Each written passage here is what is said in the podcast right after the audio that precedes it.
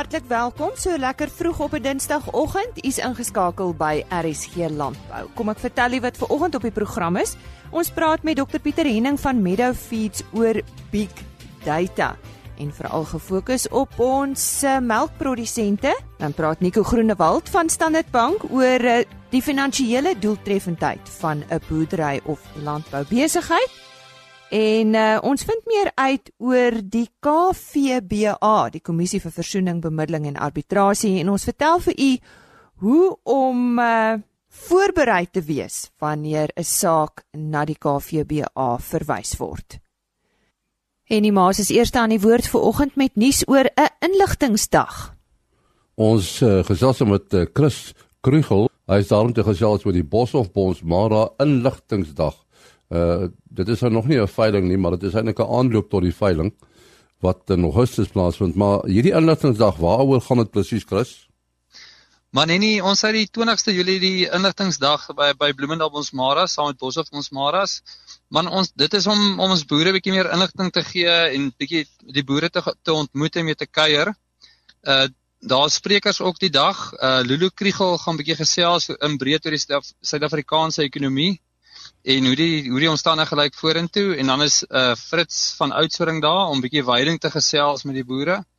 En dan gaan Manie Manie Lourens bietjie van die diere bespreek. Ja, mens vra altyd die vraag, jy weet, is daar nog inligting beskikbaar beskikbaar? Weet die mense nie al genoeg nie? ek glo mense is nooit te oud om te leer nie. Ja, en nie daar's altyd nog ietsie wat 'n mens kan kan leer. En ja, en dit gaan ook 'n bietjie dat mense kan saam kuier en dis ook 'n groot deel van die dag. So daar is 'n uh, daar is 'n middagete na die tyd en 'n lekker kuier en ons wil graag hê die mense bietjie moet bietjie saam met ons kom kuier. Uh so jy het 'n hele klompie manne genoem wat uh, wat inligting gaan oordra. Uh, dis eintlik 'n aanloop tot uh, die die veiling wat later vanjaar plaasvind. Ja, en ons het uh, die 27ste Augustus uh vanjaar het ons weer 'n boeredag. Uh dan kom uh, Nick Serfontein gesels uh, oor landbou uh, uh, in Suid-Afrika. En dan uh, is daar is is uh, Dr. Fafa Malan ook daar om, om te gesels oor biosekuriteit. En dan die 28ste Augustus hou ons ons ons jaarlikse veiling uh, op die plaas Brakfontein uh uh by Teleandra. Uh en het julle al dit op hierdie manier in die verlede gedoen? Ja, ja, ons het al vroeër, hierdie is die derde inligtingsdag by ons wat die 20ste Julie gehou word.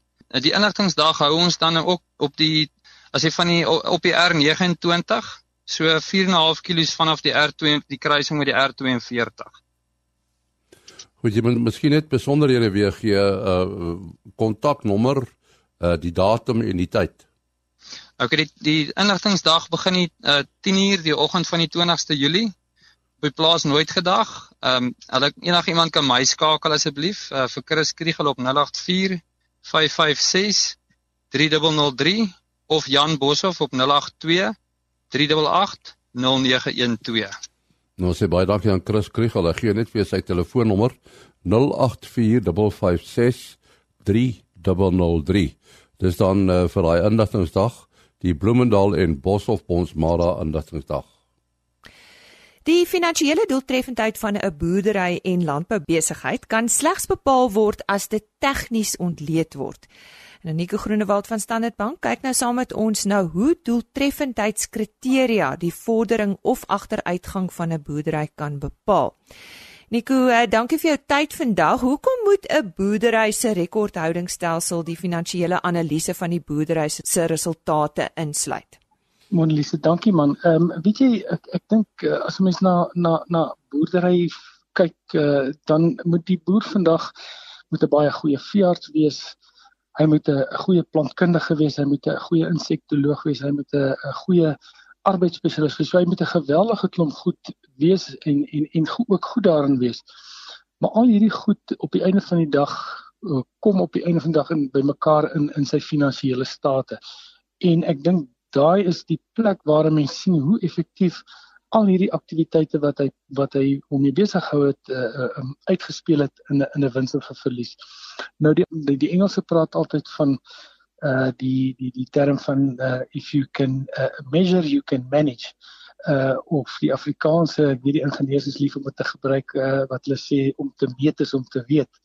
En ek dink dit is nou wat jy 'n uh, finansiële analise jou mee help. Dis als goed en wel jy het nou jou state gekry, maar nou moet jy gaan kyk wat het wat het daarmee gebeur en waar kan 'n mens beter doen of wat waar is die oorsaak uh van moontlike probleme. En dis hoekom dit is krities belangrik dat want dit is dan wanneer jy reeds die besluit neem vir wat jy in jou volgende uh produksiejaar of in jou volgende finansiële jaar gaan doen ten einde jou effektiwiteit te verbeter of daar waar jy uh, gevind het dat jy uh, ge, gefouteer het hoe om dit reg te stel.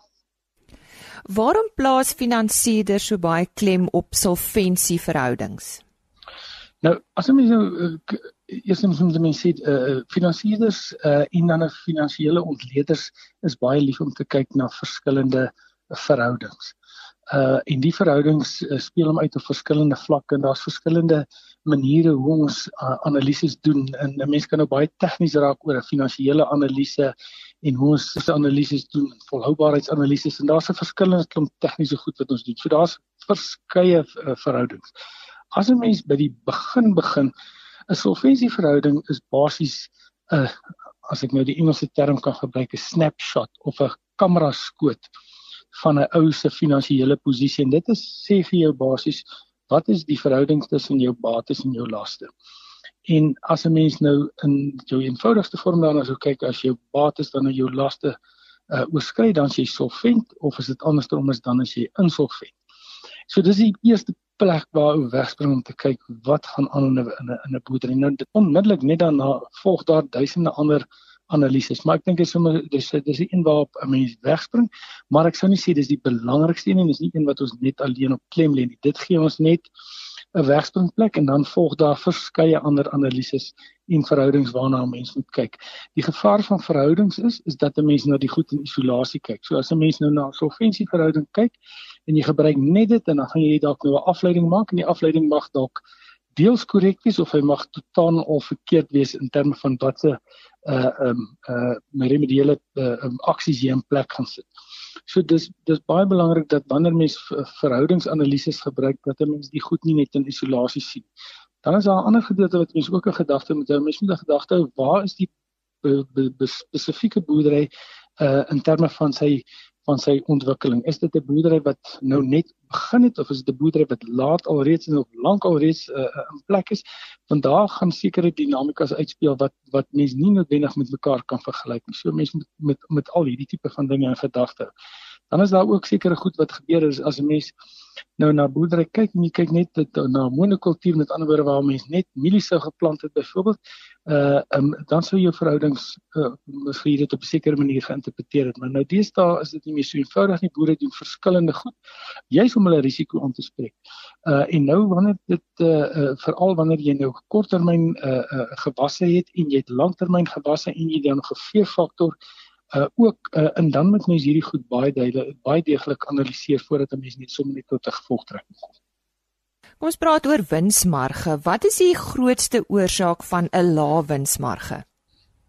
Jong, daar is weer eens 'n uh, dit is 'n dit dit kan 'n kombinasie van goed wees en dit kan uh, net een aspek wees. En gewoonlik binne mens by winsmarge gekom, dan gaan dit gewoonlik gaan oor uh, wat se prysvlakke jy ge, ge, gekry en, en en wat wat jy wat het jy gedink jy sou kry. So dit kan dit kan om terugspeel na die mark, met ander woorde die mark, die vraag en aanbod verhouding het het het, het dalk teen jou gewerk en daarmee jy lae winsmarge. Uh dit kan ook wees as gevolg van koste druk wat binne jou strukture is en daar is spesifieke kostes wat wat jou struktuur swaarder gemaak het as wat jy dit graag jou koste struktuur swaarder gemaak het as wat jy dit sou gehad het en dit plaas druk op jou winsmarge. Dit kan ook wees dat jy ehm um, weer eens 'n tipe van boerdery waarin is en waar jy is ten opsigte van uitbreiding dat jy 'n klomp kostes moes aangegaan het om sekere goed te doen het en op die kort termyn het dit 'n druk op jou winsmarge geplaas. So 'n uh, eh, ehm um, in die algemeen is dit gewoonlik 'n uh, kwessie van 'n uh, uh, uh, of 'n kombinasie van pryse wat jy gekry het vir jou produk of uh dan nou koste strukture wat wat wat uh druk uitgeoefen het op jou winsmarge. En nou beweeg ons na analises doen. Hier verwys ek na 'n uh, 'n uh, 'n uh, diepond analise. Hoe kan dit tot die sukses van 'n boerdery bydra, Nico?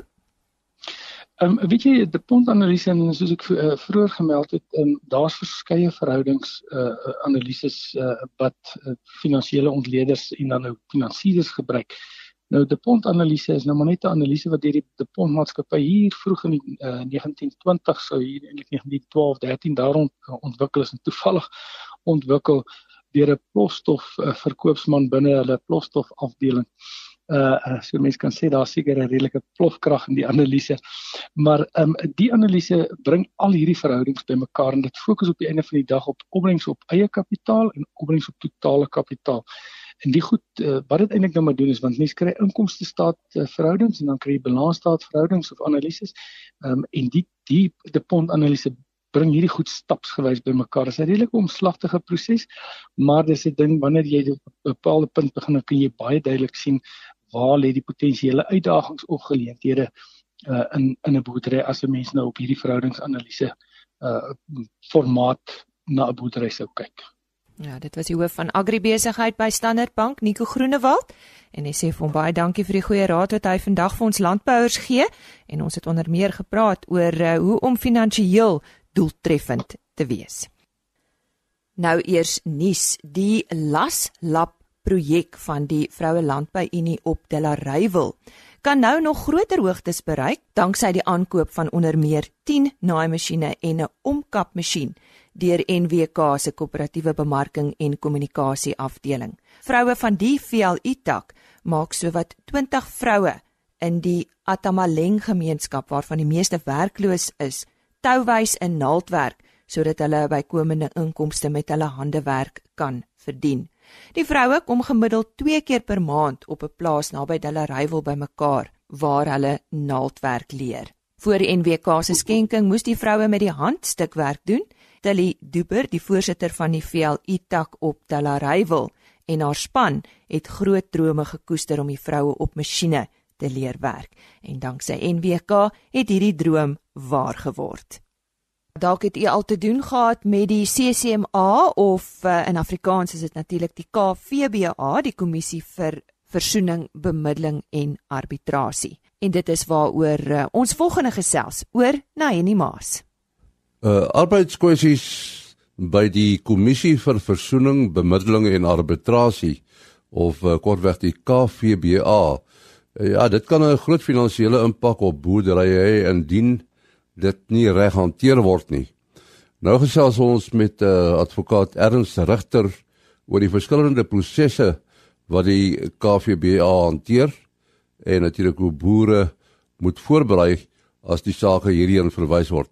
Ernst, uh, watter sake kan na hierdie liggaam verwys word? En hierdie oor groot meerderheid sake wat verwys word na die KVBA is maar die onbillike ontslag sake.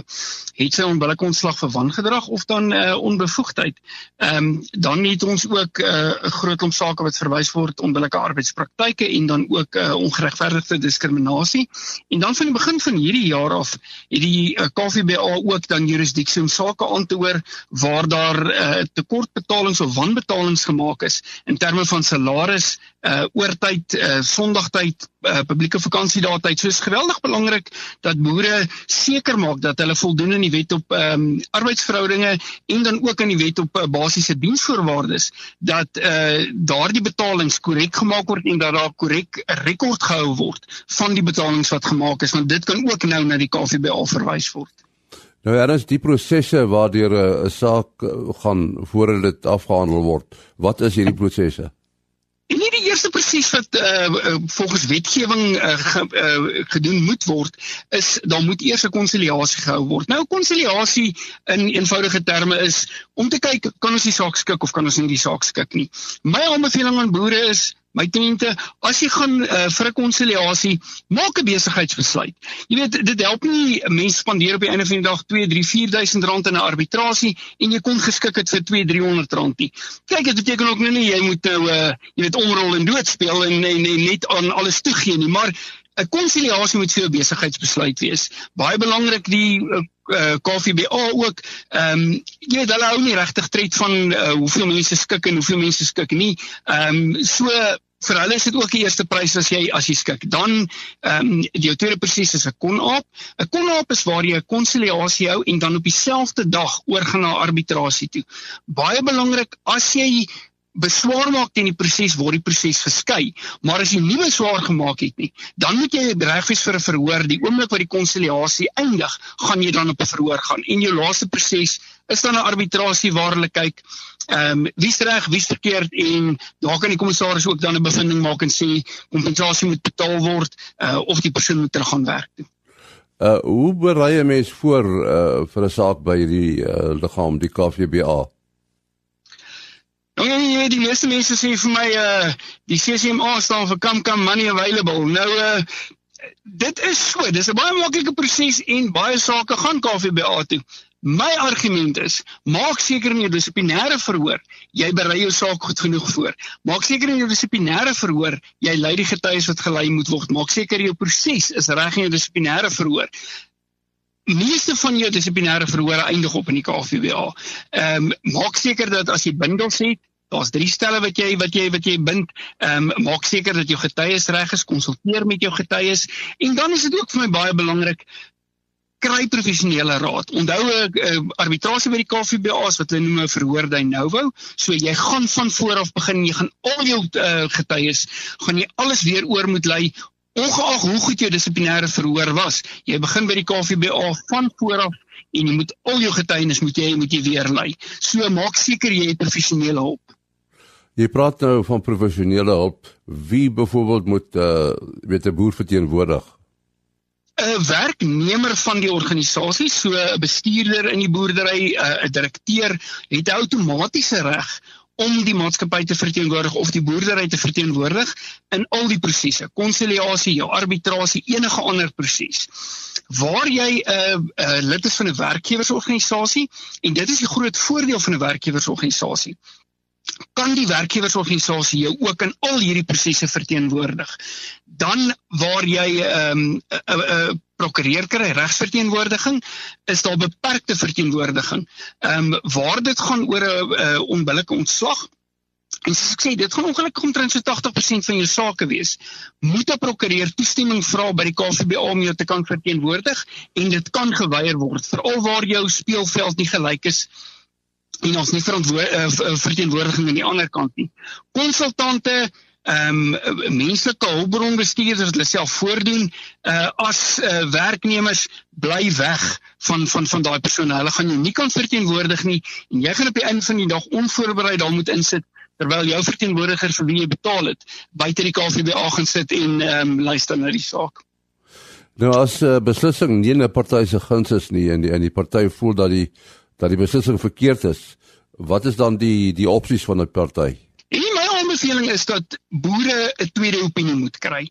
Onge, ongelukkig in die in die in die, in die regsveld Daar is verskillende menings. Jy weet jou sake word beslis op wat is reg en wat is billik en elke kommissaris se se sin van reg of billikheid kan verskil. Ehm um, waar 'n kommissaris 'n beslissing gemaak het en jy is nie gelukkig met die beslissing nie. Maak seker dat jy opinie kry of daar gronde is om die saak op hersiening te neem, maar as daar gronde is, kan jy die saak op hersiening neem na die na die arbeidshof. Ongelukkig dis 'n duur proses en dis ook 'n tydsame proses. Dit gaan ongeveer 2 na 3 jaar vat om af te handel, soms baie langer. So kry 'n behoorlike opinie om seker te maak is daar gronde en as daar gronde is, ehm um, kan jy die ding wel op hersiening vat arbeidshof toe. Ja, ons hartlike dank aan uh, advokaat Ernst Rigter. Ons gesels volgende met Dr Pieter Henning van Meadow Feeds en ons gesels met hom oor sy besoek aan die FSA. Nou Pieter, ja, jy het nou sopas teruggekeer uh, waar jy die jaarkongres van die American Dairy Science Association bygewoon het. Waaroor praat hierdie kenners? Ja, Lise, daar's heelwat gepraat oor die sogenaamde big data. Melkbore kan vandag soveel goed omtrent hulle kudde en koeie meet, maar wat doen ons met al die data? Uh die vraag is natuurlik hoe kan die melkboer waarde daaruit kry?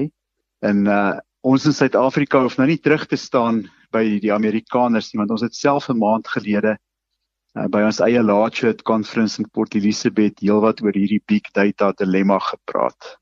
Jy sê dilemma, vertel ons bietjie meer oor big data.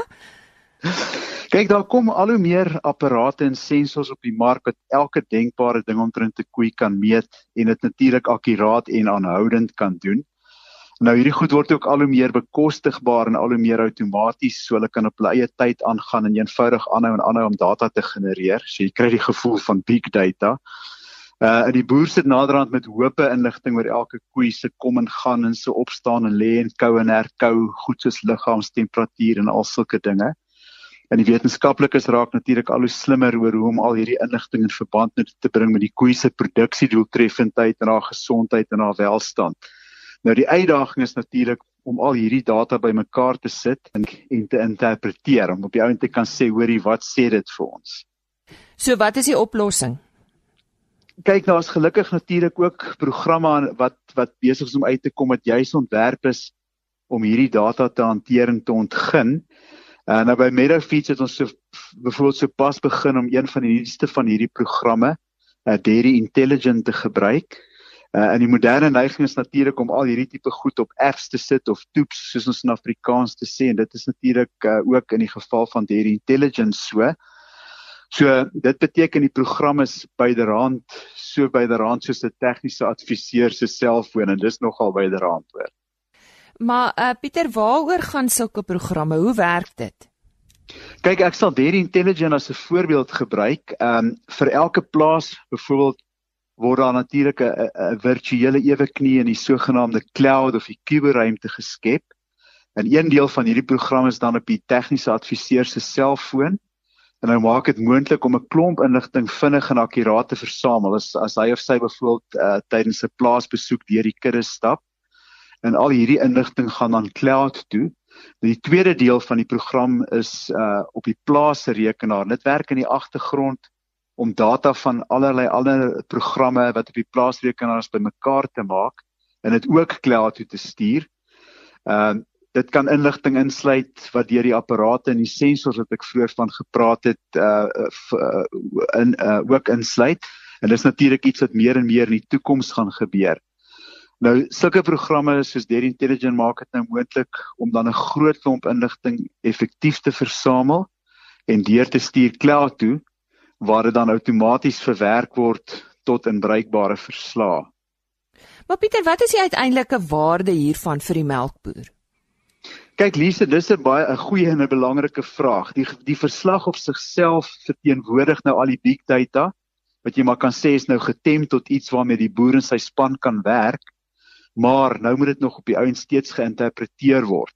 Nou dan eers gaan jy regtig waarde daai uit kry. Nou die slim mense praat al hoe meer van die sogenaamde artificial intelligence. So hulle sê daar kom masjiene wat slim genoeg gaan wees om self hierdie verslae te interpreteer en vir die boer die aanbeveling te maak. Maar vir nou eers, miskien moet ek sê gelukkig vir nou eers is dit is dit nog steeds die taak van die boer en en sy tegniese ondersteuningsspan. Dis nou die voedingskundige, die veearts en so meer. Uh hulle is nou die kundiges wat hierdie verslae moet interpreteer en dan die praktiese implikasies raak sien en vir die boer kan raad gee goed oor soos byvoorbeeld kudde gesondheid of hoe om inkomste bo voerkoste te verbeter. Watter uitdagings hou big data vir die melkbedryf in? Kyk, uh, wyle professor Jan Bonsma het altyd gesê a man must measure. Uh ons vermoë om te meet het natuurlik geweldig toegeneem en groei nog steeds, maar 'n groot uitdaging bly om akkuraat te meet. Uh, dit help nie net die data is groot nie, die data moet ook integriteit hê om bruikbaar te wees. En ek dink 'n ander belangrike uitdaging veral in Suid-Afrika is om mense voldoende op te lei. Ehm um, outomatisasie en allerlei slim toestelle kan en gaan in die toekoms baie meer van die take wat mense nou verrig uitvoer. Uh, en mense moet opgelei word om hierdie toestelle en hulle insette en uitsette beter te verstaan. Uh, maar dan moet ons op die ount ook mooi kyk waar elkeen 'n mens of masjien in die boerdery van die toekoms gaan inpas en ons moet steeds ons opleiding van ons mense dan dienooreenkomstig aanpas. Nou dit klink alles soos wetenskap fiksie, maar die hoofding is die masjiene ontwikkel teen 'n asemrowende tempo. En as ons as mense nie gaan bybly nie, dan gaan ons regtig op die ou end 'n probleem hê of uit die prentjie wees slim masjiene wat vir ons vertel wat ons moet doen. Nou ja, ek dink daar's baie mense wat daarvoor vrese het. Ja, maar uh, maar nou ja. Nou sê baie dankie aan Dr Pieter Henning, hy's van Meadow Feeds en hy het met ons gesels oor uh, ja, die sogenaamde big data wat uh, ook deesdae in landbou 'n woord is op almal se lippe. Ja, dit was dan nou RSC Landbou vir vanoggend. Môreoggend op RSC Landbou praat ons uh, interessant met Dr. WA Lombard van Universiteit van die Vrystaat oor arbeidstendense. Uh interessante vergelykings met die res van die wêreld en uh, ons praat ook oor uh, koolstofvoetspoor van die appel en peerbedryf. So, moenie RSC Landbou môreoggend misloop nie. En laastens net weer 'n webtuiste vir ons onderhoude as ook 'n e-posadres. Dit is www.agriorbit.com of u kan 'n e-pos stuur aan Lenet by plaasmedia.co.za. Totsiens. RSG Landbou is 'n produksie van Plaas Media. Produksieregisseur Henny Maas Aanbieding Lisa Roberts en inhoudskoördineerder Jolandi Root.